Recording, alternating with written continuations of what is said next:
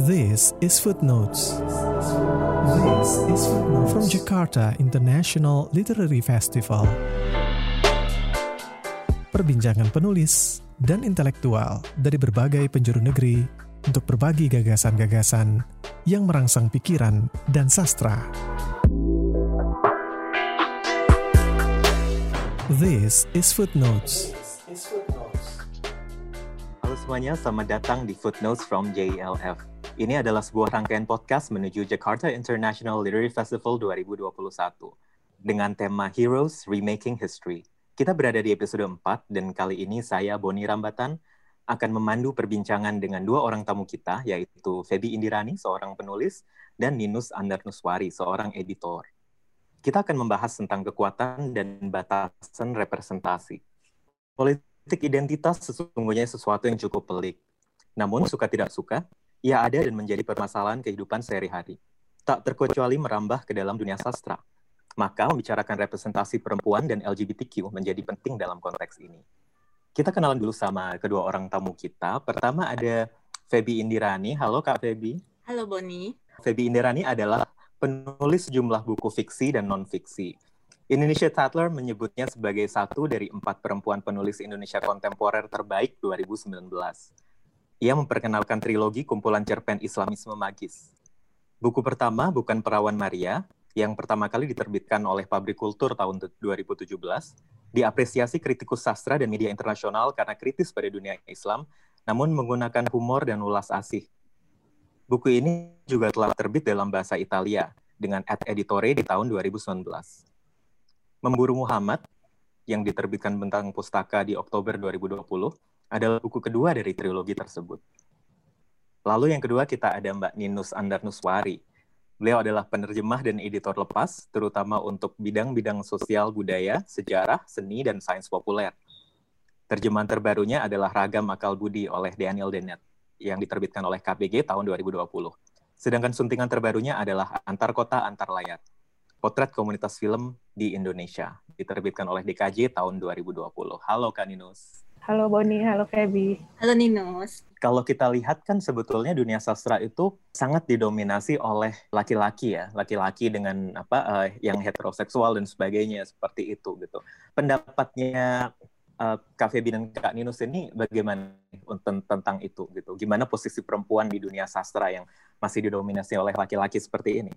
Seperti yang tadi Boni sebutkan ya, bahwa memang ekosistem sastra kita masih didominasi oleh uh, maskulinitas.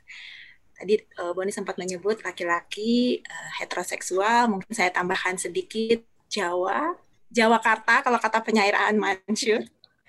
Jawa Karta benar. uh, dan Muslim.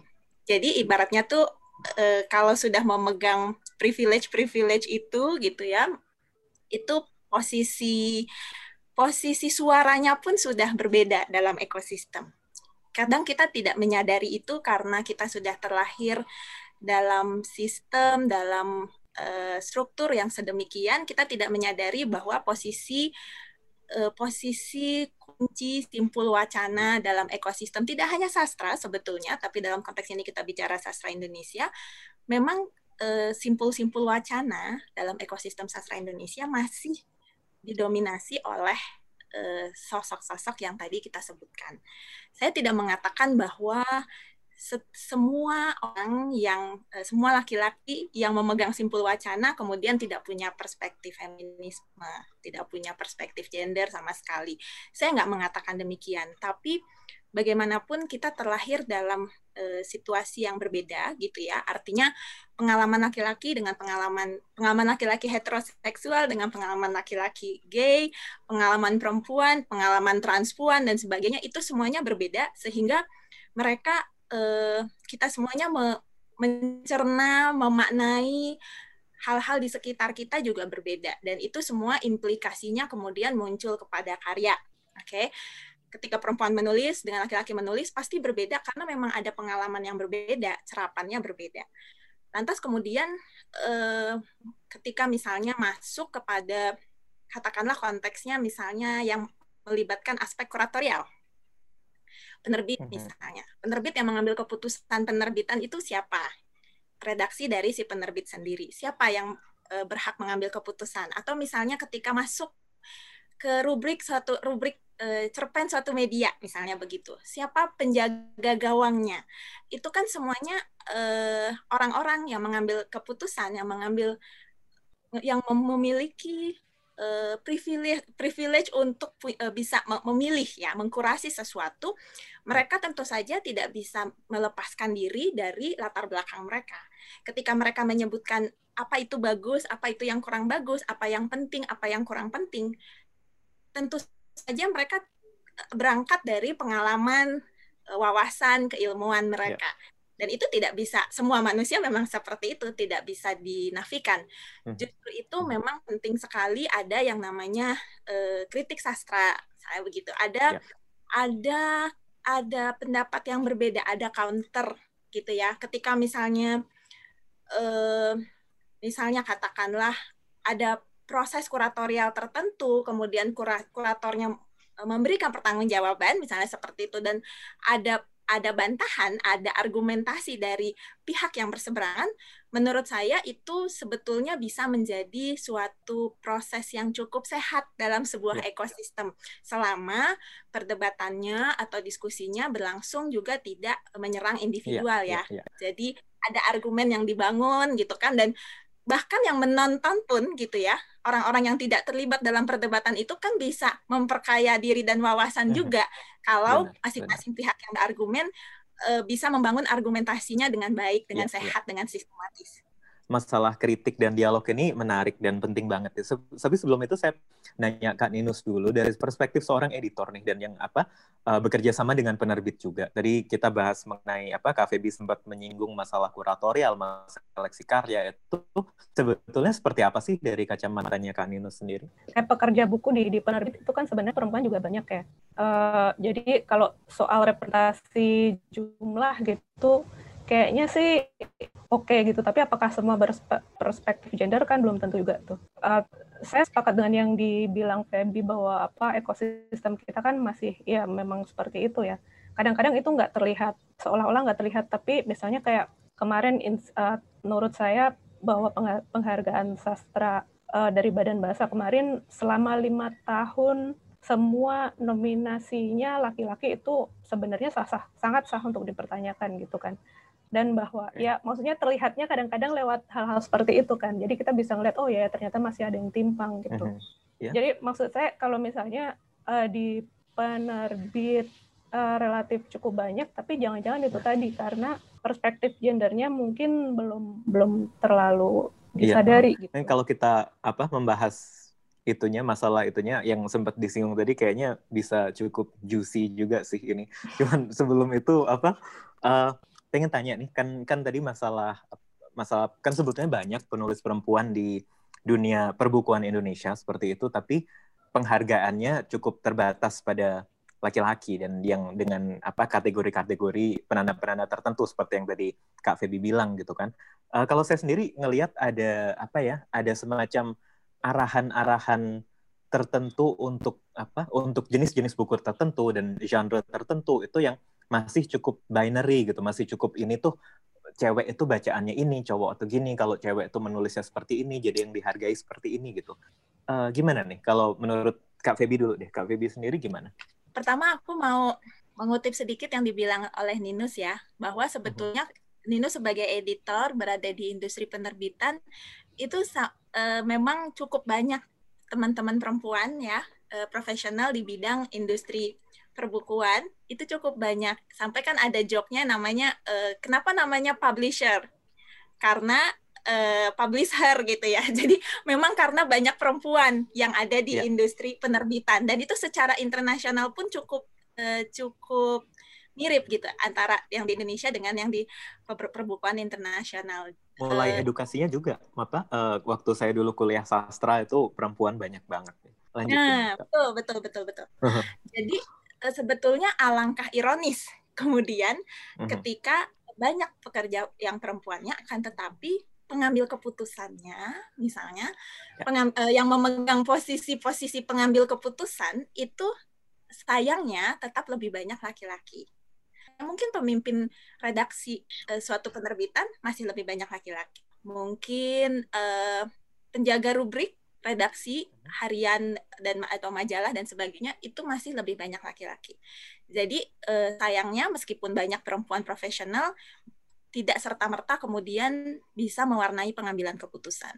Kita bisa lanjut lanjut ngobrol mengenai politik gender ini sih. Ini ini cukup menarik. Ya. Kenapa kira-kira kenapa kira-kira cukup terkotak-kotakan gitu meskipun ya. jadi bukan bukan cuma masalah ada banyak perempuan atau tidak ada bukan masalah ada ya apa uh, kaum kaum minoritas kaum marginal tertentu di dunia sastra dan penerbitan atau tidak tapi kenapa fungsi mereka itu pada posisi-posisi yang masih seperti itu gitu bukan mengambil keputusan dan sebagainya itu? Itu apa sih yang bermain dari dari kak Ninus deh? Kalau misalnya apa namanya uh, kalau misalnya di dunia di dunia hmm. ya sastra sendiri atau mungkin di dunia kritik sastra dan di dunia penerbitan itu kenapa posisinya seperti itu? Apakah merasakan ada prasangka-prasangka tertentu gitu sebagai seorang perempuan kalau prasangka tertentu gimana ya? Mungkin sebenarnya uh, ini nggak lepas dari uh, kan komunitas sastra bagian dari masyarakat Indonesia yang dan kita hmm. harus apa? Kita tahu kan in, apa di Indonesia patriarki masih kuat sekali dan saya rasa nilai-nilai norma-norma sosial yang berlaku di masyarakat yang sangat patriarkis dan uh, heteronormatif ini ber, berpengaruh juga ke komunitas sastra yang sangat apa bagian yang nggak lepas dari itu.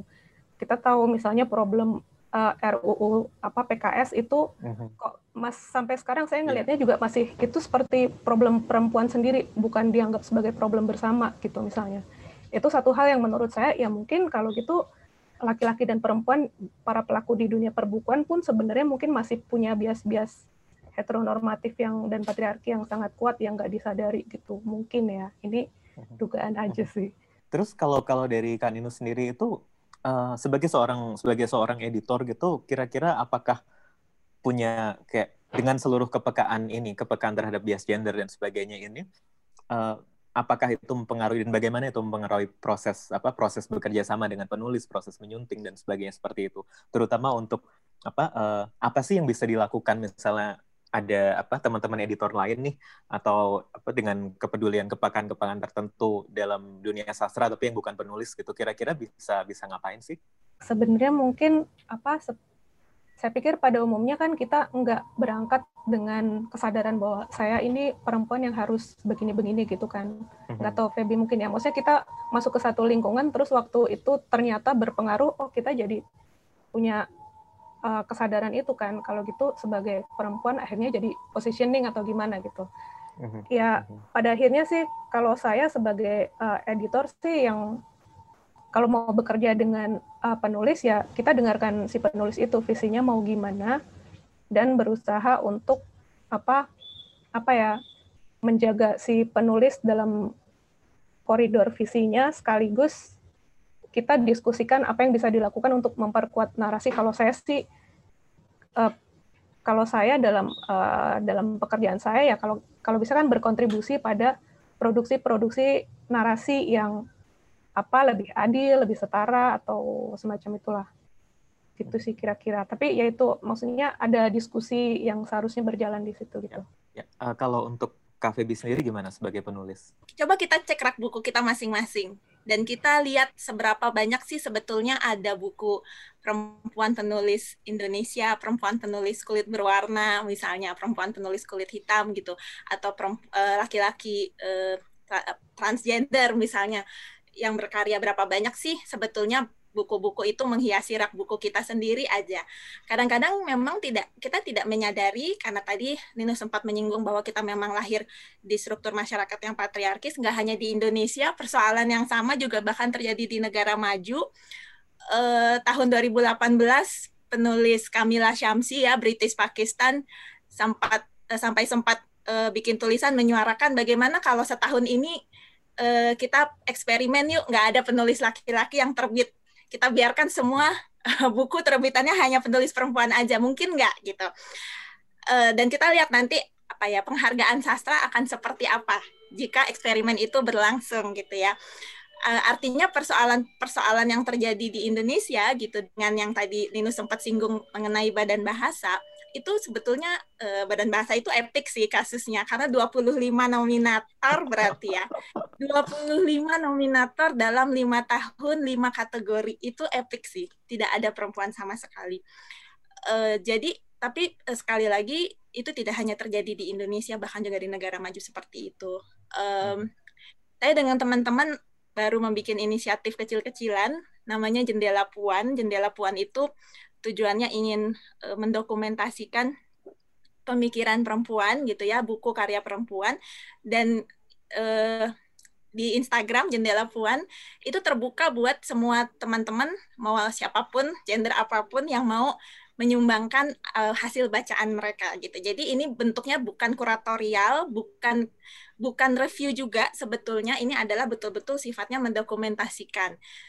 Uh, menarik adalah salah satu teman saya penulis dari Gorontalo Darmawati Majid uh, kemudian uh, dia baru mulai juga ikut gitu ya berkontribusi untuk jendela puan dan dia bilang wah ngeri ya kak ternyata di rak buku pun buku bukuku pun sedikit mhm. ternyata karya perempuan penulis artinya memang kalau tidak kalau kita tidak dengan memang secara polit politikal ya dalam pengertian personal gitu ya e, memilih bahwa memang oke okay, uh, saya lebih banyak yuk membaca yang uh, karya-karya perempuan penulis kulit berwarna misalnya karya-karya perempuan penulis uh, Indonesia dengan sengaja memang saya beli, saya baca, saya review gitu ya. Seperti itu. Mungkin kita memang tidak sadar bahwa eh, ya selama ini lebih banyak yang dibicarakan di sekitar kita ya memang karya para eh, orang-orang kayak laki-laki kulit putih misalnya seperti itu. Karena mungkin kalau misalnya Boni kuliah di sastra gitu ya teman-teman yang teman-teman saya yang kuliah di menulis apa penulisan kreatif itu memang referensinya banyak kan memang yeah. referensi dari uh, para penulis kulit putih gitu misalnya laki-laki. Dan sekali lagi tidak salah tapi apa yang kita baca itu kan kemudian akan uh, mempengaruhi cara pikir cara pandang kita terhadap dunia gitu. Dan ya tentu saja alangkah lebih ya. baik jika kita punya wawasan yang jauh lebih beragam daripada yang kita miliki sekarang karena juga bahayanya kan apa uh, tanpa disadari bisa mengabsahkan struktur-struktur kuasa tertentu kalau misalnya referensinya seperti itu gitu kan. Tapi di di satu sisi lain makanya apa eh, perubahannya harus politis seperti itu. Tapi yang ingin ingin saya tanyakan tuh saya agak agak penasaran itu uh, kan sekarang ada apa banyak yang nyebut tokenism juga dan kita tidak boleh sekedar apa pergerakan tuh tidak tidak sekedar token saja itu uh, menurut Kaninus dan KVB sendiri itu apa di mana sih batasnya kalau misalnya ini ada ada penghargaan terus oh ya udah biar nggak laki-laki semua kita kasih deh yang khusus untuk perempuan tapi ya gimana gitu kan sebetulnya di mana apa bagaimana kita bisa tahu mereka tuh sebetulnya secara tulus ingin mendengarkan suara-suara yang marginal yang berbeda atau sekedar token aja biar mereka kelihatan baik ya. seperti itu gimana? Gimana Nes? Uh, saya rasa emang apa tantangannya sulit ya karena uh, maksudnya ada ada ada banyak hal nih. Misalnya uh, kanonisasi yang selam kanonisasi lah ya maksudnya kurikulum pembelajaran sastra di sekolah kan selama ini sangat itu tadi sangat apa mhm. bias laki-laki sekali gitu.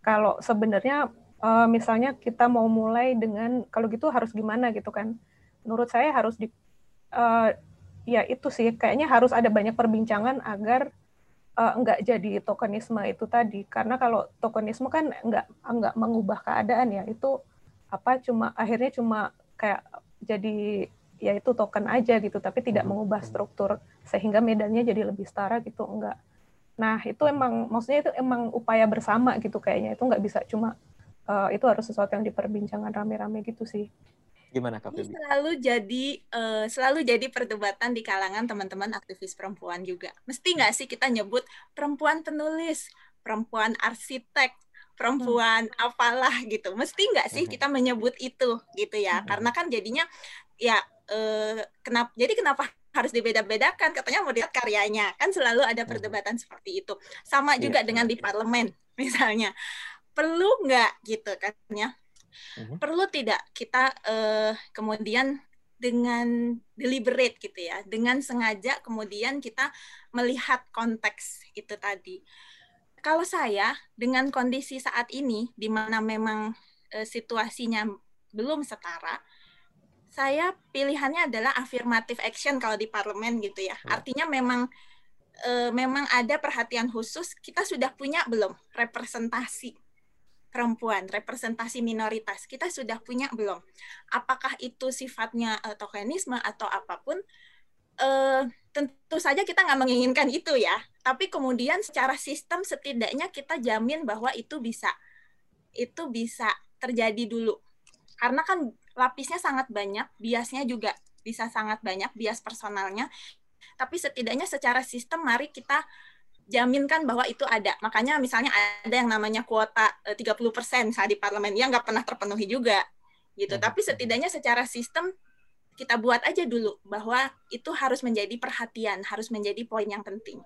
Bahwa memang okay. bagaimana supaya itu akan selalu uh, mencari balance-nya ya. Dan semakin hmm. banyak perbincangan, semakin banyak uh, kritik akan semakin baik. Sebenarnya uh, menurut saya kalau dibilang apa mungkin kan percakapan itu muncul karena saya nggak tahu sih resistensi terhadap uh, representasi ini mungkin ya. Tapi yeah. menurut saya batasnya bukan soal soal kuantitas sebenarnya. Tapi itu kan su susah ya. Maksudnya kenyataan itu kan sangat majemuk dan dan multidimensional gitu kan. Kalau seni mau me mencerminkan realitas ya dia harus se serelevan mungkin dengan realitas. Yang artinya dia juga nggak bisa berdimensi tunggal dia harus sangat majemuk juga. Dan itulah yang sebenarnya menurut saya representasi itu soal itu gitu. Hmm. apa? Dan batas di sini menurut saya akhirnya jadi kalau apa yang akhirnya misalnya mungkin apa yang jatuh jadi distorsi yang diklaim sebagai uh, apa representasi. Misalnya sosok yang seperti ini diklaim dicitrakan seperti ini tapi kenyataannya sebenarnya nggak gitu gitu misalnya. Hmm. menurut saya batasnya di situ sih. Jangan representasi yang didistorsi itu diklaim sebagai representasi gitu. Oke, um, tadi menarik nih bicara soal masih apa uh, resistensi terhadap gerakan-gerakan ini, termasuk apa uh, di banyak di banyak hal ya, termasuk resist, apa uh, banyak sekali kalau kita kalau kita mulai mencoba gerakan tertentu atau affirmative action atau kuota atau apa pun gitu, kita bisa melihat ya gampang banget meledak jadi sebuah drama luar biasa seperti itu. Itu uh, sebetulnya ya nomor satu itu kira-kira bagaimana kita menavigasi hal itu. Terus yang kedua itu apa? Um, ini kan menurut saya tuh kan memang apa uh, bisa kita lihat itu memang sangat-sangat terpengaruh oleh yang su yang sudah biasa ya kayak selama ini tuh apa sudah kerjanya udah lancar-lancar aja seperti ini gitu apa nar apa narasi-narasi sastra tuh memang sudah seperti ini terus uh, mengapa dirubah dan balik tadi yang ke, ke yang tadi itu apa uh, karena buku-buku yang kita baca itu ditulis oleh perspektif-perspektif tertentu tentunya struktur-struktur kuasa tentu, tertentu menjadi lebih terabsahkan lagi. Jadi dinamikanya ini sebetulnya cukup kompleks. Tapi saya ingin bahas masalah uh, navigasi untuk resistensi dan dan sejenisnya ini ini seperti apa nih? Kalau buat saya pertama sedapat mungkin fokus di pada persoalan. Artinya kalaupun kita menyasar eh, tadi seperti misalnya saya bilang pemegang simpul wacana tertentu gitu ya. Uh-huh. Eh, sedapat mungkin pihak-pihak yang terkait juga melihat dia karena kan manusia juga multidimensi multidimensional ya. Yeah. Artinya seorang kurator atau seorang juri sayembara tertentu dia juga adalah uh, siapa dia juga adalah teman kita misalnya dia juga yeah. adalah penulis Indonesia yang patut dihargai juga kontribusinya selama ini gitu. Artinya dengan punya kesadaran bahwa dimensinya memang sangat kompleks, mari kita berusaha untuk fokus kepada uh, persoalannya. Dan juga um, mungkin tradisi yang juga mesti dihidupkan kembali adalah uh, salah satu salah satu tradisi yang sempat disinggung oleh Bu Karlina uh, Supeli ya, siasat kebudayaan itu uh, saya lupa poin keberapa karena beliau mengajukan delapan siasat kebudayaan lalu salah satunya tuh bisa mengakui kesalahan gitu ya. Bias ya mau kita bilang itu bias patriarkis kah atau apa pun itu tidak uh, apa ya tidak terbatas terjadi hanya pada orang-orang tertentu aja. Gitu. It hmm. happens to me it happens to you it happens to the yes. best of us. Itu loh. Jadi sebetulnya pendekatannya adalah sebisa mungkin kalau buat saya lebih bahwa eh kita mengingatkan loh bisa jadi kamu bias gitu. Mhm. Mari kita lihat, mari kita periksa sama-sama. Artinya eh, dan teman yang diingatkan juga tidak lantas defensif, tidak lantas tantrum defensif, eh, langsung merasa diserang secara personal. Karena kita mengkritisi dan ini untuk kebaikan bersama. Jadi masing-masing pihak ketika masing-masing pihak yang mengkritisi maupun yang dikritisi punya kesadaran itu bahwa ini eh, ini mungkin tidak enak saat ini tapi berguna untuk dampak eh, jangka panjangnya ekosistem sastra kita, saya rasa masing-masing pihak menahan diri ya. Hanya itu sih yang yang terbayang sama saya sekarang untuk menavigasi. Artinya sebisa mungkin itu tidak akan mudah, ngomongnya lebih gampang daripada menjalaninya gitu ya karena godaan untuk godaan untuk ad hominem sangat kuat gitu kan. Uh, tapi kemudian itu nggak akan untuk jangka panjang itu akan menghancurkan gitu loh. Kayak orang bakar jembatan. Padahal sebetulnya kan banyak hal mungkin di masa depan bisa dikerjasamakan dikolaborasikan gitu kan. Setuju Dari kan setuju. ini gimana? apa nggak seru nih diskusinya kita bersepakat terus. Nggak, tapi tapi benar-benar maksudnya apa saya baca tulisan Feby yang di Magdalene yang apa apa tentang ekosistem apa kita itu ya. Yang apa ada Feby bilang ada titik buta titik lemah dan uh, itu iya itu menurut saya bagus banget karena itu semacam uh, memetakan apa uh, ekosistemnya secara apa ini kan dan apa ini kayaknya itu perlu dibaca banyak orang karena ya seperti yang saya bilang tadi kita kan nggak sadar kadang bias kita apa gitu uh, bisa jadi kita punya titik lem, lembut, bisa jadi kita punya titik buta gitu. Menurut saya sih uh. apa yang bisa dilakukan ya itu tadi misalnya kayak inisiatif-inisiatif.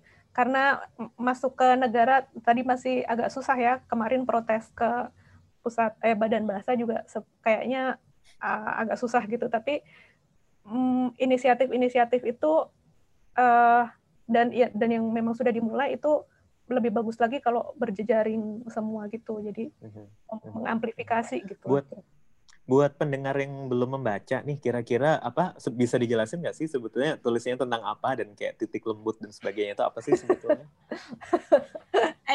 Jadi judul tulisannya apa yang kita bisikkan ketika kita berbisik tentang uh, ekosistem sastra Indonesia.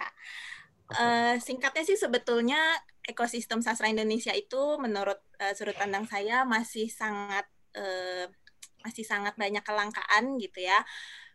Uh, kurang apresiasi dan juga hmm. tidak disupport memadai dari sisi sistem gitu. Saya membandingkan misalnya ini mungkin perbandingannya tentu saja uh, tidak sempurna ya tapi saya membandingkan bagaimana betapa sedikitnya penghargaan sastra di Indonesia gitu ya, betapa sedikitnya festival sastra di Indonesia, festival seni budaya secara umum memang sedikit. Di Bloomsbury ya, Bloomsbury itu area yang kecil gitu di London, eh, kelurahan Camden ya, eh, Borough, Borough Camden, itu ada festival setiap tahun rutin gitu. Dan penulis yang hadir di situ penulis-penulis pemula gitu ya. Memang yang baru baru mulai berkarir menulis dan sebagainya. Tapi mereka punya ruang punya festival sendiri. Dan tidak hanya tidak hanya buku macam-macam. Ada pertunjukan-pertunjukan juga. Di tempat yang eh, saya lupa hitungannya bisa dicek itu tapi populasinya tuh sangat sedikit di Camden aja kelurahan Camden itu eh, dengan inhabitants yang mungkin 100 ribuan gitu ya ada juga ada lagi festival lagi artinya begitu banyak ruang yang yang yang diciptakan. Sementara eh, saya tinggal di kecamatan apa Palmerah gitu, kelurahan Kemanggisan. Saya hampir nggak ada, tidak menemukan festival seni budaya. Ada sih eh, seperti pasar malam gitu ya. Itu aja saya udah senang banget deket lapangan rumah saya. Eh, artinya sebetulnya di tingkat Jakarta aja kita membayangkan alangkah baiknya ya kalau banyak ruang-ruang seperti itu sehingga orang itu punya uh, punya kesempatan untuk uh, berbicara, punya punya kesempatan untuk uh, dihargai gitu ya. Dihargai itu artinya didiskusikan karyanya dan sebagainya. Juga tentang penghargaan sastra. Kita bandingkan kalau di Indonesia misalnya entrepreneurship ya, startup. Ini hmm. kan presiden kita lagi senang sekali dengan yang namanya startup startup. Uh, banyak sekali misalnya penghargaan untuk entrepreneurship baru ide, baru menjalankan setahun dua tahun, mereka pitching, dapat dana, lantas bisa meneruskan bisnisnya, misalnya kayak gitu. Itu tuh banyak sekali kompetisi-kompetisi seperti itu. Yang kita hampir tidak menemukan itu dalam ekosistem sastra kita. Akhirnya, karena memang secara sistem tidak begitu ditunjang, yang banyak terjadi adalah perkoncoan, pertemanan, gitu ya, keguyupan. Tidak selalu jelek, tentu saja, uh, tapi eh, sebagai manusia kita punya yang tadi sempat Nino singgung yaitu titik buta, titik lembut dan titik lemah dan itu sesuatu yang sangat manusiawi. Dan karena tidak ada sistem yang tidak ada kelembagaan yang cukup untuk eh, menopang ekosistem sastra kita, kemudian hmm. yang terjadi adalah perkoncoan dengan titik titik lembut, titik lemah, titik buta itu. Dan itu sesuatu yang memang tidak terhindarkan menurut saya. E, dalam tulisan itu saya mengajak teman-teman misalnya siapa pun yang membaca lantas mencoba apa ya sedang melihat ada fenomena e, sesuatu gitu ya di dalam ekosistem sastra kita mari kita bisa membaca memetakan dengan e, melihat titik butanya di mana kira-kira titik lembutnya di mana titik lemahnya di mana. Kalau titik lembut sama titik lemah teman-teman pasti tahu ya perbedaannya. Artinya kalau titik lembut itu eh ya dia mungkin salah sih tapi saya tapi saya ngerti kok dia sebenarnya orangnya baik gitu ya. Itu kan manusiawi sekali gitu loh. Sementara kalau titik lemah mungkin ya saya nggak berani dong e, mengkritisi nanti saya nggak dikasih kerjaan lagi gitu ya. Karena posisinya e, posisinya tidak orang yang ingin dikritik misalnya seperti itu. Kalau titik buta yang tadi ketika kita sulit untuk melihat bahwa e, sangat mungkin ada bias yang kita lakukan ada bias bahwa kita tidak melihat kita tidak melihat suatu karya itu cukup penting karena topiknya misalnya. Atau misalnya titik buta itu ketika ada e, penulis Mbak Lela sempat cerita waktu ada sesi bersama saya. Ketik dia bilang dalam diskusi-diskusi itu dia banyak ditanya kenapa sih Mbak menulis adegan seks misalnya seperti ABC gitu. Sementara kalau penulis laki-laki menulis seks dianggap sastra. Kalau menulis perempuan, menulis seks dianggap sastrawangi gitu kan. Hal-hal seperti okay. itu. Menarik nih kita bahas mengenai apa uh, ya titik buta, titik lemah dan titik lembut seperti ini. Kan ini pengen saya tarik ke apa? ke tema besar rangkaian festival ini ya, kan Heroes Remaking History. Dan tentunya ya seperti konsep kepahlawanan itu sendiri gitu, itu cukup terkait dengan patriarki dan cukup pahlawan itu jarang yang dipotret terus dia memiliki titik lembut dan akhirnya mentoleransi perbedaan dan sebagainya. Mungkin ada beberapa, tapi kan itu sendiri kan sifat-sifat empati, sifat-sifat apa sorry, sifat-sifat memahami nuansa yang kompleks seperti itu kan ya cenderung dianggap feminin seperti itu misalnya. Itu itu gimana sih kita uh, ditarik ke potret besar nih di untuk perspektif sejarah dan kepahlawanan dan sejenisnya hmm. gitu. Ninus boleh duluan.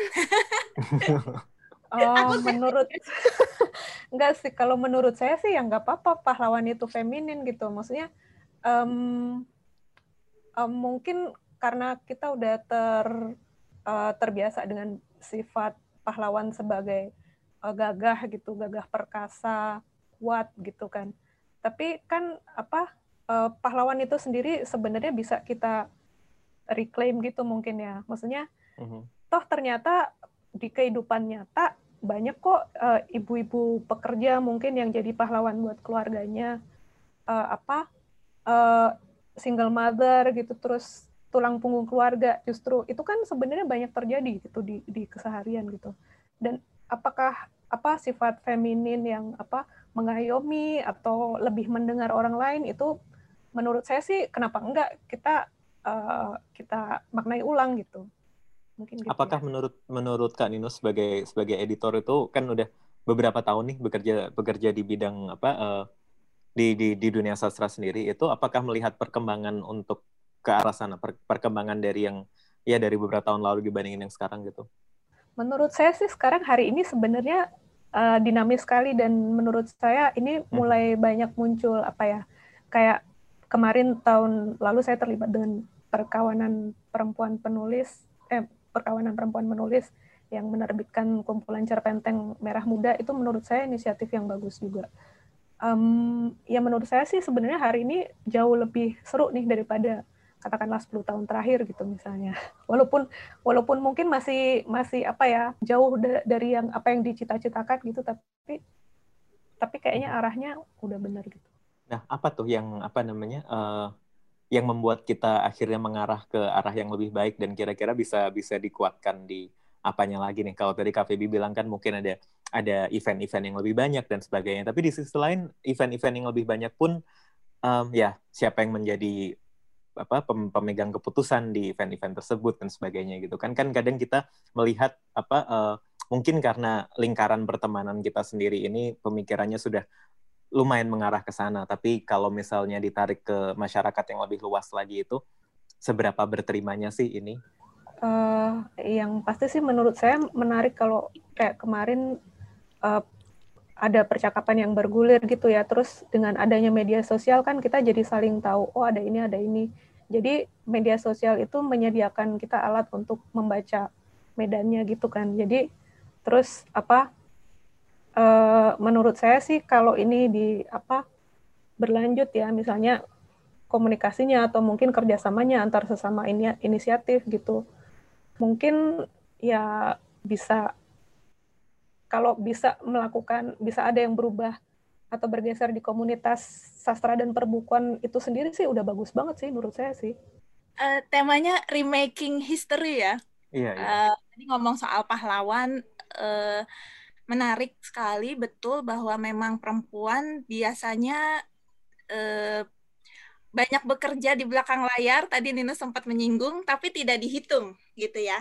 Uh, dan itu terjadi di semua sektor saya pikir uh, memang ada persoalan ini juga ya. Kalau saya sebagai perempuan mengamati diri sendiri dan mengamati perempuan lain, ada kecenderungan bahwa perempuan itu, uh, tapi ini mungkin sangat personal ya sifatnya. Tidak ada data yang sangat akurat. Saya nggak bisa kasih statistik. Tapi kita tahu bisa berbohong juga dengan statistik ya. Jadi saya mengamati bahwa kebanyakan perempuan itu memang eh, perfeksionisnya ekstra biasanya uh, sementara laki-laki mereka memang lebih sering maju aja gitu loh. Mereka maju hmm. tanpa tanpa terlalu ragu-ragu. Hmm. Teman-teman perempuan saya itu uh, biasanya selalu over prepare untuk segalanya. Uh, dan apa ya, ada kecenderungan aduh kalau bisa orang lain orang lain aja deh gitu loh. Saya dukung kok, saya uh, saya pasti dukung, saya pasti bantu gitu. Perempuan itu sering sekali seperti itu. In, in sekali lagi it happens to the best of us gitu teman-teman hmm. feminis saya sering sekali aduh harus harus wawancara ya nggak usah deh gitu kayak kayak menghindar untuk hmm. tampil menghindar untuk uh, berada di depan dan saya hmm. saya nggak saya nggak tahu juga kenapa tapi saya mengamati ada kecenderungan itu pada diri saya dan pada banyak perempuan lain dan itu yang membuat akhirnya uh, sering kali ketika ketika apa ya ketika suatu event dicatat gitu ya. Sejarah itu kan masalah siapa yang menyuarakan, siapa yang mencatat dan hmm. masalah sudut pandang juga gitu. Selalu banyak eh, banyak sudut pandang terhadap suatu peristiwa dan kemudian ada narasi-narasi yang bertahan yang disebut hmm. sebagai narasi-narasi yang ditulis oleh pemenang gitu ya. Hmm. Nah, ketika itulah sering kali perempuan jadinya tidak tercatat. Begitu banyak pahlawan tanpa nama kalau mau kita sebut. Nggak hanya guru gitu. Tanpa tanpa tanda jasa tuh nggak hanya guru tapi juga teman-teman perempuan e, kita gitu ya. Semuanya banyak sekali. Ibu-ibu kita semuanya yang sudah e, bekerja keras bekerja sangat keras bahkan tapi tidak tercatat dan memang mungkin kita bisa memaknai ulang juga yang namanya pahlawan itu adalah kita paham bahwa tidak tidak hanya orang-orang yang tampil di panggung dan tercatat itu, tapi juga selalu dengan kesadaran banyak sekali loh orang-orang yang berada di belakang dan di belakang layar. Dan memang eh, sering kali itu kan cuma masalah fungsi ya, perbedaan fungsi aja gitu. Tidak semua orang memang juga ingin tampil juga gitu loh. Tapi kemudian pada tataran representasi itulah menjadi menjadi kemudian menjadi penting. Eh, teman-teman perempuan juga yang sering kali aduh nggak nggak usah gue deh gitu tapi kemudian pada satu titik iya sih gue harus maju karena gue juga representasi dari kelompok perempuan, kelompok minoritas yang memang masih kurang representasinya, masih kurang suaranya. Dalam konteks itu sebetulnya kenapa kemudian e, saya termasuk yang sangat berisik soal penghargaan badan bahasa itu gitu ya. Karena bayangkan e, lima tahun lima kategori, kemudian tiba-tiba hilang tuh dari sejarah. Kita bisa anggap itu suatu hal yang kecil, tapi lima tahun, 10 tahun, 20 tahun dari saat ini, kemudian ya. mungkin eh, Badan Bahasa ini kan lembaga negara ya, punya eh, kaitan dengan kurikulum kurikulum hmm. di pendidikan, lantas melihat referensi, oh kita lihat ke mana nih, oh yang sudah pernah menang penghargaan Badan Bahasa aja, pasti begitu kan. Dan itu hmm. sangat masuk akal, buat apa punya penghargaan kalau kemudian tidak menjadi referensi apa pun gitu. Ya. Lantas kemudian melihat, wah tidak ada loh lima tahun dalam lima kategori uh, itu gitu ya lima kategori sastra dan itu menjadi sangat penting sangat penting kemudian uh, ketika kita bicara remaking history jangan sampai remaking history-nya itu justru menghilangkan yang sebetulnya di, di ya. tataran nyatanya sudah ada 10 tahun lagi kita melihat kok lima tahun ini kok bisa nggak ada sama sekali hmm. nih karya hmm. perempuan padahal sangat banyak jumlah yang terbit jumlah yang tampil di panggung untuk naskah teater yang saya rasa apa uh, sering kurang dilihat atau atau mungkin mungkin butuh apa uh, mungkin butuh kacamata yang lebih kritis untuk untuk melihat itu yang namanya kaum yang termarginalkan adalah ya kalau misalnya nggak ngapa-ngapain pasti ya pasti nggak bakal muncul gitu kan. Kan apa namanya secara secara default mereka itu dirugikan. Jadi tidak bisa orang-orang lalu lalu berkata bahwa loh ya udah kan kita kan kita adil-adil aja semua orang bisa kok kan semua orang bisa yeah. bisa aja menang sebetulnya kayak gitu tapi kan nah, seperti seperti tadi sempat sempat dibilang juga mungkin ada kecenderungan apa kecenderungan tertentu untuk apa uh, ya beberapa ya untuk pria misalnya langsung maju atau perempuan mungkin agak ragu tapi itu kan kembali lagi itu tidak boleh diesensialisasi kan kan itu sebetulnya karena kalau misalnya pria maju lalu bersalah ya konsekuensinya nggak ada gitu. Kalau misalnya perempuan perempuan yang maju terus bikin kesalahan aduh iya itu itu struktural banget gitu. Nah gimana menavigasi ini seperti ini nih kayak misalnya udah sebagai sebagai perempuan yang maju salah satu yang yang berada di garda depan lalu apa kan risikonya kalau berbuat kesalahan langsung dikatain apa ya dikatainnya itu bukan cuma personal tapi seolah-olah nah. mewakili sekelom, satu kelompok ini gitu. Itu gimana sih?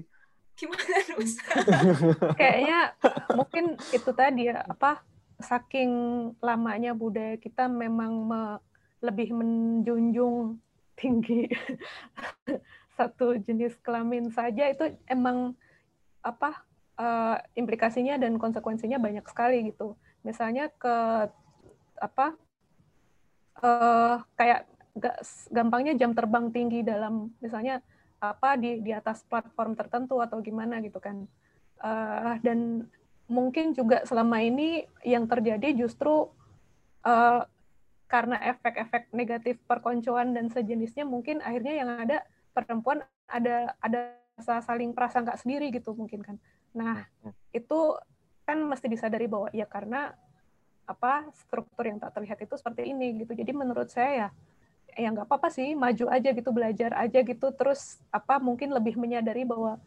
kita sama-sama sebagai yang sama-sama dirugikan dengan sistem default ini lalu harus gimana gitu. Jadi mungkin ada kesadaran solidaritas yang harus diperkuat gitu. Mhm, mhm. Kalau misalnya kita bicara tentang prasangka apa atas satu sama lainnya itu saya jadi ingat apa dan ini tampak cukup nyata sih, terutama di Twitter gitu ya dengan dengan berbagai macam uh, dramanya gitu.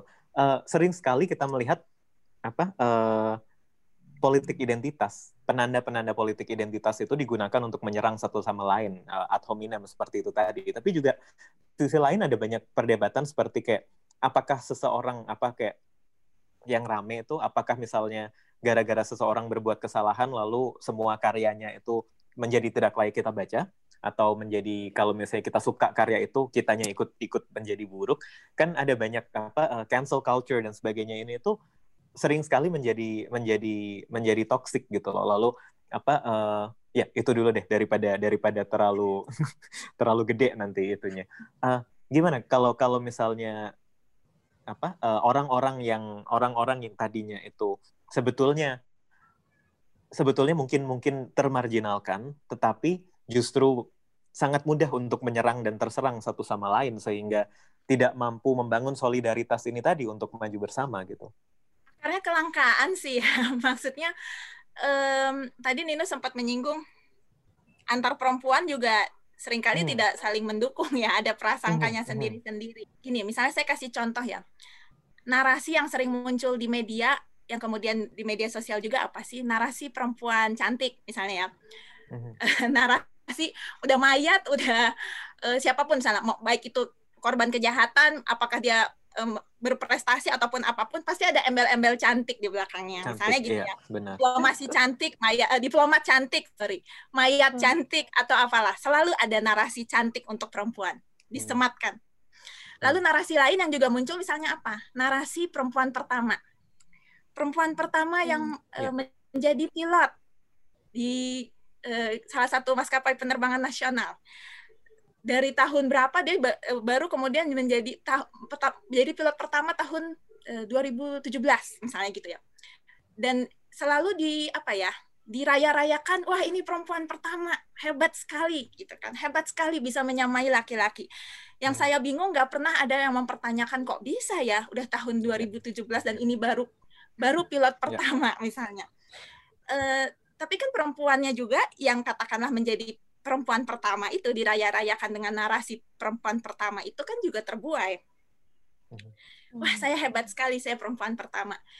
Akhirnya Mhm. eh, ya sebagian perempuan ini juga dia nggak mau nggak mau berbagi juga pri- privilege-nya sebagai yang pertama.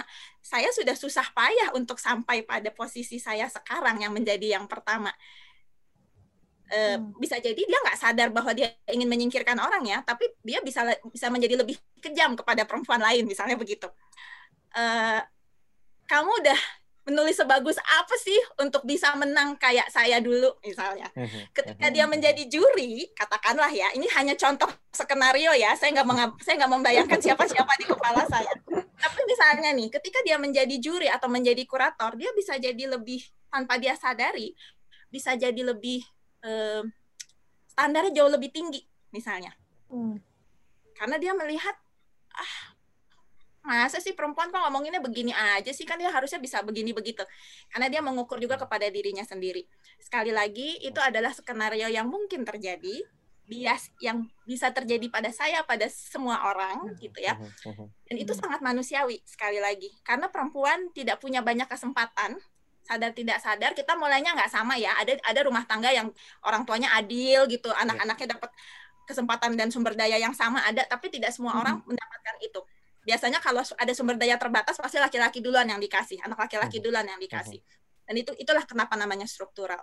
Nah kemudian perempuan yang biasanya mencapai posisi-posisi tertentu itu ya posisi-posisi simpul wacana termasuk mereka tuh bekerja jauh lebih keras untuk bisa mencapai posisi itu dan Ya. akhirnya jadi lebih keras kepada diri sendiri lebih keras kepada orang lain nih di sekitarnya dan itu sekali lagi sesuatu yang sangat manusiawi dan apa ya ya lo harus berjuang sekeras gue dong gitu Mhm. ada Mhm. perasaan kayak gitu Jadi memang kalau tidak punya kemawasan struktural dan level solidaritas yang tinggi dan berbagi privilege, apa rela untuk membagi privilege yang sudah didapatkan ke yang lain. Tapi ya sekali lagi tuh itu itu memang sesuatu yang manusiawi banget ya. Eh, saya pengen pengen kembali tadi kan apa sangat sangat banyak narasi perempuan pertama yang seperti ini, perempuan ini yang seperti ini gitu. Eh, Oke, di di mungkin mungkin secara secara permukaan itu apa eh, itu tampak bisa tampak cukup feminis gitu kan. Tapi kan di sisi lain juga sebetulnya ya itu memposisikan laki-laki sebagai sesuatu yang universal sementara para perempuan itu cuma instans turunan dari bukan manusia default kayak gitu kan. Sama seperti dulu dulu apa kayak banyak banget yang bilang kalau misalnya eh, pengalaman saya pribadi itu misalnya ada ada karya gitu, ada salah satu tokohnya itu eh, gay misalnya atau disabled atau apa gitu. Pasti pertanyaannya pertanyaannya adalah fungsinya apa nih ke cerita? Kenapa dia harus gay? Kenapa dia Hmm. harus di kursi roda? Kenapa dia harus orang orang apa eh, orang Papua padahal itunya di Jakarta dan ceritanya sama sekali nggak ada tentang mereka seperti seperti itu gitu. Ah itu juga pertanyaan-pertanyaan bahwa bahwa mereka eksis di dalam dunia sebuah cerita itu harus berkontribusi kepada kepada sebuah plot itu kan apa eh, didasari pada anggapan bahwa ya manusia default itu laki-laki heteroseksual yang ya Jawa Muslim dan sebagainya seperti tadi itu gitu kan. Justru apa eh, yang patut yang kit- yang saya rasa kita patut untuk untuk berhati-hati dan ini yang saya pengen pengen tanyakan juga sih untuk apa eh, gimana gimana sih kita menghadapi masalah di- default universal yang masih ditempatkan masih ditempati posisi ini gitu dan dan sementara perempuan maju oke diselebrasi tapi masih sesuatu yang partikular gitu nggak apa tidak nggak di share nggak nggak di ya tidak bisa melihat itu sebagai sebuah sesuatu yang harus dirayakan secara universal juga gitu. Kamala Harris ya kemarin ya hmm. waktu dia dirayakan menjadi perempuan hmm. kulit berwarna yang pertama menjadi wakil presiden. Saya senang bahwa uh, yang juga yang dia pidatokan gitu kemudian dikutip oleh banyak sekali orang adalah uh, saya saya jamin saya tidak akan menjadi yang terakhir gitu ya. Saya yang pertama tapi saya nggak jadi yang terakhir. Itu sesuatu yang mestinya memang harus diingat oleh semua orang gitu. Media juga gitu. Tadi yang saya sempat bilang e, narasi perempuan pertama itu tadi jarang sekali kan orang e, media yang mengkritisi juga kenapa ya baru pertama baru sekarang gitu hmm, jadi hmm. hal-hal seperti itu sih yang memang e, harus selalu di kayak harus selalu diingat harus selalu saling mengingatkan dan juga hmm, ya penting untuk mem memperluas percakapan gitu. Setiap kali misalnya ada sebetulnya pertanyaan-pertanyaan kayak gitu nggak apa-apa gitu ya. Kita juga nggak mau yang tadi misalnya dalam suatu cerita hanya ditempelkan aja gitu asal hmm. uh, asal Pasti. Papua deh misalnya gitu. Yeah. Ya tapi kan um, ya itu akhirnya itu kembalinya pada sebagai sebuah struktur cerita karena kan namanya cerita seperti bangunan juga dong mesti ada strukturnya mesti maksudnya bisa banyak terjadi cerita itu belum belum bisa berdiri sebagai sebuah cerita mm-hmm. gitu ketika dia tidak tidak cukup ada alasan yang kuat kenapa begini dan kenapa begitu dan menjadi hanya ditempelkan seperti yang tadi Boni bilang. Iya, okay. gimana kan? Uh, jadi ingat itu yang buku yang di uh, yang sempat rame di Opera Book Club kalau nggak salah yang tentang uh, latarnya Meksiko ya? kalau nggak salah yang diklaim yang yang jadi kontroversi lah karena um, dianggap tadinya dianggap sebagai representasi suara uh, Latin tapi ternyata sebenarnya nggak gitu juga gitu. Um, walaupun apa apa ya maksudnya itu buku sudah akhirnya jadi bestseller gitu tapi percakapan yang muncul setelah itu kan uh, oh, oke okay, kita baru tahu ini ternyata dia mungkin melakukan apa yang disebut apa cultural appropriation gitu ya. Jadi um, yang penting kayaknya itu tadi ada ada yang speak up, ada yang resisten dan ada yang menawarkan uh, narasi tandingannya gitu.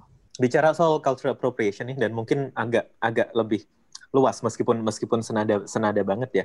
Kalau misalnya memang memang apa uh, itu bukan cuma tempelan, bukan bukan cuma token dan memang apa ceritanya bagus secara itu cukup signifikan dan dia mengangkat suara-suara minoritas dan sebagainya gitu. Tapi ternyata yang menulis adalah seorang ya seorang privilege gitu misalnya pria heteroseksual dan sebagainya mungkin kulit putih dan sebagainya seperti itu. Ada orang-orang yang bilang bahwa lo nggak apa-apa itu kan dia berarti kalau dia selama menulis itu dengan respectful selama, selama menulis itu apa dengan apa ya dengan dengan penuh rasa hormat dan sebagainya itu itu nggak apa-apa kan memang pengalamannya cukup universal berarti dia punya usaha untuk mengarahkan ke situ gitu. Tapi ada ada orang-orang yang beranggapan bahwa lo nggak boleh dong berarti itu kan kamu sebagai orang yang berprivilege kamu mengambil panggung yang tidak punya privilege. Lagian siapa kamu? Kamu gimana caranya? Kamu tuh nggak mungkin bisa tahu tuh pengalaman-pengalaman orang seperti ini. Nggak peduli seberapa kamu riset gitu. Itu gimana nih? Ini apa uh, kira-kira masuk dalam opini kubu yang mana nih? Ini kok kita berangkatnya itu kalau saya ya membayangkannya itu adalah suatu kita membayangkan bahwa semesta ini sangat langka gitu ya. Artinya artinya uh, kalau buat saya tuh selalu bikin ruang sebanyak-banyaknya. Uh, kalau memang mau menulis tentang isu minoritas bikin bikin ruang sebanyak-banyaknya sepublik-publiknya. Semakin banyak ditulis semakin baik. Saya sih termasuk kalau misalnya ditanya termasuk yang mana gitu saya termasuk orang yang selama si penulisnya menulis dengan uh, sungguh-sungguh dengan hormat gitu ya dengan hormat kepada kelompok yang dia tulis dan itu akan terlihat. Jadi lebih baik sadar aja. Jadi maksudku adalah selama dia riset dia memang dengan dengan uh, menghormati terlihat bahwa dia memang menghormati subjek yang dia tulis kalau buat saya nggak apa-apa. Jadi saya nggak bicara tentang merebut panggung gitu. Artinya uh, dalam tataran menulis berkarya ya berkarya aja itu sesuai dengan concernnya dia nggak apa-apa tapi gini misalnya ya ini agak saya perluas sedikit ya percakapannya. Sem sempat juga hmm. kan misalnya gini, ada uh, saya lupa salah seorang aktris Hollywood yang dia kemudian menolak suatu peran tokohnya itu transpuan ya kalau saya nggak salah. Hmm. Dia menolak dengan kesadaran bahwa kenapa nggak kita kasih kepada ya. aktor-aktor yang memang transpuan. Yeah. Nah itu saya dalam hal ini saya setuju yeah. dengan dengan pilihan etisnya si aktor ini. Yeah. Karena kemudian dia dia punya kesadaran kan memang ada aktor-aktor transpuan yang yang memang lebih cocok dengan peran-peran itu. Sementara dia sebagai aktor uh, perempuan misalnya kesempatan dia lebih banyak. Yeah. Gitu ya. Menurut saya itu kasusnya agak beda sih. Hmm. Kalau dalam yang konteks ini saya setuju. Jadi tidak bisa diseragamkan, tidak bisa disamaratakan untuk semua konteks. Oke, okay. Kaninus gimana? Sebenarnya kalau apa kalau soal ditulis set sih menurut saya sih akan uh, ini ya, ya pada dasarnya kan sebaiknya kalau saran saya ke penulis kan tulis apa yang paling uh, mereka tahu gitu. Jadi um, mestinya itu otomatis ke sesuatu yang benar-benar mereka hayati gitu kan. Mhm, Dan mhm, kalau mhm. mau coba-coba menulis dari uh, masuk ke budaya atau perspektif atau suara lain, uh, kayaknya mungkin susah banget sih kayaknya sih. Maksudnya ya itu apa kayak Feby bilang tadi itu biasanya akan terlihat gitu. Jadi walaupun enggak nggak bisa kita melarang orang nggak boleh nulis ini itu, tapi kayaknya saya lebih cenderung setuju ke ya, ya itu tadi berangkat dari apa yang uh, kita tahu dan yang kita tahu ya ya pasti uh, spesifik lah, maksudnya seseorang kan pasti dia besar di lingkungan tertentu dan segala macam. Kayaknya pernah nggak kerja sama-sama penulis yang mengalami apa uh, kepedulian atau masalah serupa gitu. Jadi dia pengen nulis dari perspektif yang sebenarnya dia kurang ngerti. Terus kira-kira uh, kalaupun nggak pernah gitu sebagai editor kira-kira apa sarannya? Uh, kebetulan belum pernah sih. Sebenarnya pengalaman saya justru saya gagal mengedit fiksi bersama dua orang uh, uh, dua orang penulis laki-laki. Nggak uh, tahu apa apa kalau apa ada masalah mungkin di masalah komunikasinya atau visinya ternyata kurang ter apa te, apa saya kurang bisa masuk ke tulisan mereka gitu ya. Pokoknya uh, pengalaman saya sih nggak nggak berhasil gitu sama uh, dua penulis laki-laki yang menulis fiksi gitu. Uh, itu kenapa? yang nah itu dia. Saya juga saya juga kurang tahu apa apa naskahnya terlalu dunia laki-laki dan saya nggak ngerti. Mungkin mungkin okay. ada sesuatu di situ. Tapi kalau penulis yang pengen dari perspektif lain sebetulnya uh, belum pernah sih. Tapi ya itu tadi saran saya sih itu nulis yang paling uh, paling dia tahu gitu Oke nih, sekarang saya pengen masuk diskusi mengenai yang sempat awal disinggung tadi mengenai apa uh, mengenai kritik, mengenai dialog dan ruang dan apa ruang penerbitan, ruang acara dan sebagainya seperti itu. Ini juga juga ada dua mungkin lebih dari dua perspektif. Ada ada banyak perspektif ya. Ada yang apa mengutamakan nggak apa apalah yang penting kita apa uh, yang penting itu grassroots dari bawah, yang penting itu lokal. Jadi apa apa pun ya kita berangkatnya dari bawah dulu dari masyarakat itu, bikin yang kecil aja nggak apa-apa, nggak perlu gede. Ada juga yang yang bilang bahwa nggak bisa, ini masalahnya struktural banget. Mau nggak mau kita tuh harus harus berjuang pada tataran-tataran apa tataran-tataran struktur di, di atas nih di pusat mulai di Jakarta mulai ya badan bahasa mulai apa dan lain-lain itu itu mau nggak mau harus didahulukan dulu gitu Nah, itu bagaimana perspektif Kak Ninus dan Kak Feby? Kayaknya dua-duanya bisa diupayakan ya. Belum lama ini saya uh, ngelihat video uh, Esther Duflo, pemenang salah satu pemenang Nobel Ekonomi tahun lalu ya kalau nggak salah ya. Uh, dia bilang kan bidangnya uh, ekonomi pengentasan kemiskinan. Nah, hmm. sebenarnya kita tahu kan program pengentasan kemiskinan itu banyak banget ya dari lembaga-lembaga donor luar.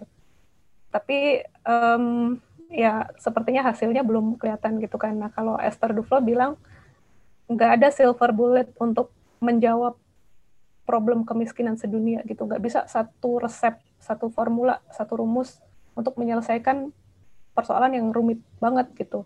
Uh, dari situ saya uh, kesimpulan saya adalah ya mungkin iya ya benar juga ya mungkin kita nggak bisa mengubah apa menggulingkan rezim hmm. atau mere uh, menumpahkan darah revolusi gitu kan untuk menciptakan okay. perubahan seketika gitu tapi ya itu apa mungkin dari ada yang di posisi-posisi yang berbeda tapi menuju uh, sama-sama menuju ke kondisi yang lebih baik gitu apa pun itu nggak bisa nggak ada satu hanya satu resep untuk segala keadaan segala situasi okay. itu nggak ada uh, kabar bagusnya dengan kondisi saat ini kan uh, tidak ada apa ya maksudnya tidak ada pusat yang sangat dominan karena sudah relatif lebih tersebar dibandingkan 10 eh, tahun yang lalu misalnya.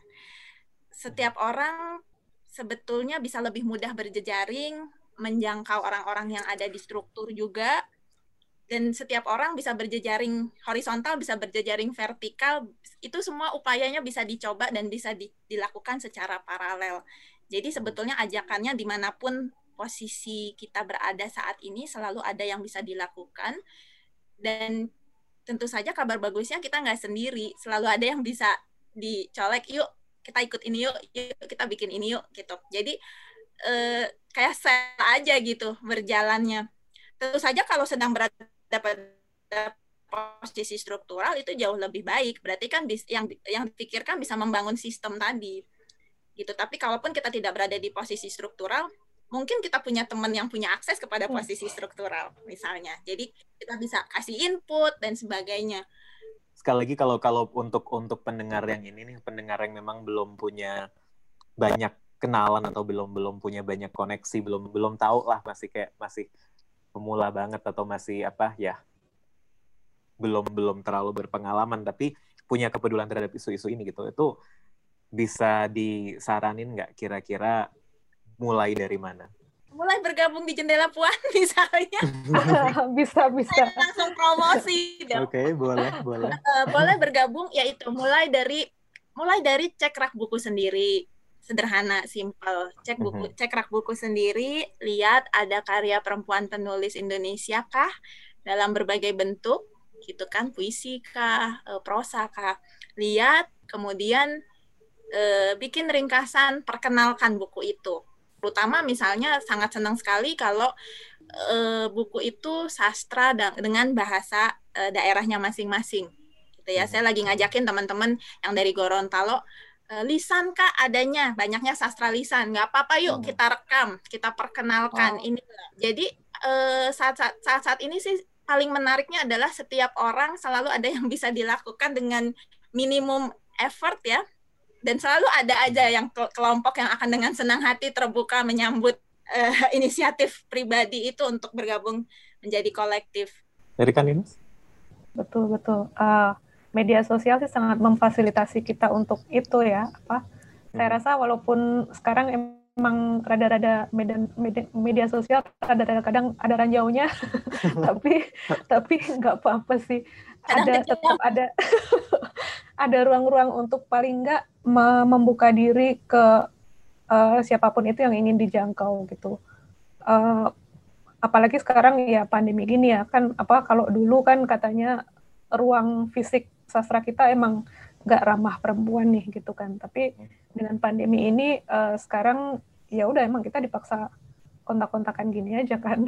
Jadi dimulai aja maksudnya dengan ya itu tadi apa dari jendela puan gitu mungkin dari situ buka-buka, explore, mungkin tahu inisiatif lainnya gitu misalnya. Ini makanya juga saya apa uh, senang banget sih dan apa bangga juga bisa turut serta dalam dalam dalam perbincangan kali ini dalam apa uh, dalam Jakarta International Literary Festival tahun ini seperti itu. Ya udah kalau mungkin bisa bisa saya simpulkan sedikit. Jadi sebetulnya memang ini apa uh, isu yang cukup pelik ya representasi dan terus apa terutama sih kalau sudah masuk masuk ranahnya politik identitas dan sebagainya ada banyak sekali ranjau yang tadi dibilang ranjau dan jebakan untuk untuk menjadi serangan-serangan personal dan untuk apa namanya uh, untuk mempertahankan privilege untuk untuk meng, apa, mengambil langkah-langkah yang kurang melanggengkan solidaritas gitu justru justru mungkin kontraproduktif terhadap ide-ide solidaritas semacam itu. Tapi di sisi lain kita juga melihat udah cukup banyak perkembangan nih dari apa dari yang dulu seperti apa sekarang menjadi seperti apa suara-suara yang bermunculan lalu inisiatif-inisiatif inisiatif-inisiatif yang muncul dan sebagainya itu memang sudah cukup banyak dan di meskipun di satu sisi kelihatan kompleks dan berat banget tapi ternyata kalau diapresiasi yang kecil-kecil dan pelan-pelan ada cukup banyak hal yang bisa disyukuri seperti itu. Jadi meskipun kita tidak berada pada posisi-posisi tertentu mungkin yang kita pengen banget nih sebetulnya apa uh, bikin perubahan seperti ini tapi mungkin belum sanggup. Tapi bisa dimulai sesederhana apa reaching out ke komunitas-komunitas karena sekarang sudah banyak banget termasuk jendela puan dan lain sebagainya gitu kan. Lalu juga memeriksa rak buku sendiri itu juga juga penting banget sih. Jadi saya rasa apa uh, menarik sih karena meskipun problematikanya cukup kompleks untuk apa yang muncul itu juga satu gunung es dari masalah-masalah struktural yang jauh lebih besar mengenai patriarki dan sebagainya gitu tapi ada suara-suara yang cukup membuat kita bisa berharap secara optimis lah. Oke, okay, um, saya rasa cukup cukup sekian dulu. Terima kasih banyak ya Kak Feby dan Kak Ninus untuk untuk perbincangannya dan terima kasih banyak juga untuk Komite Sastra Dewan Kesenian Jakarta dan tentunya terima kasih untuk para pendengar podcast ini.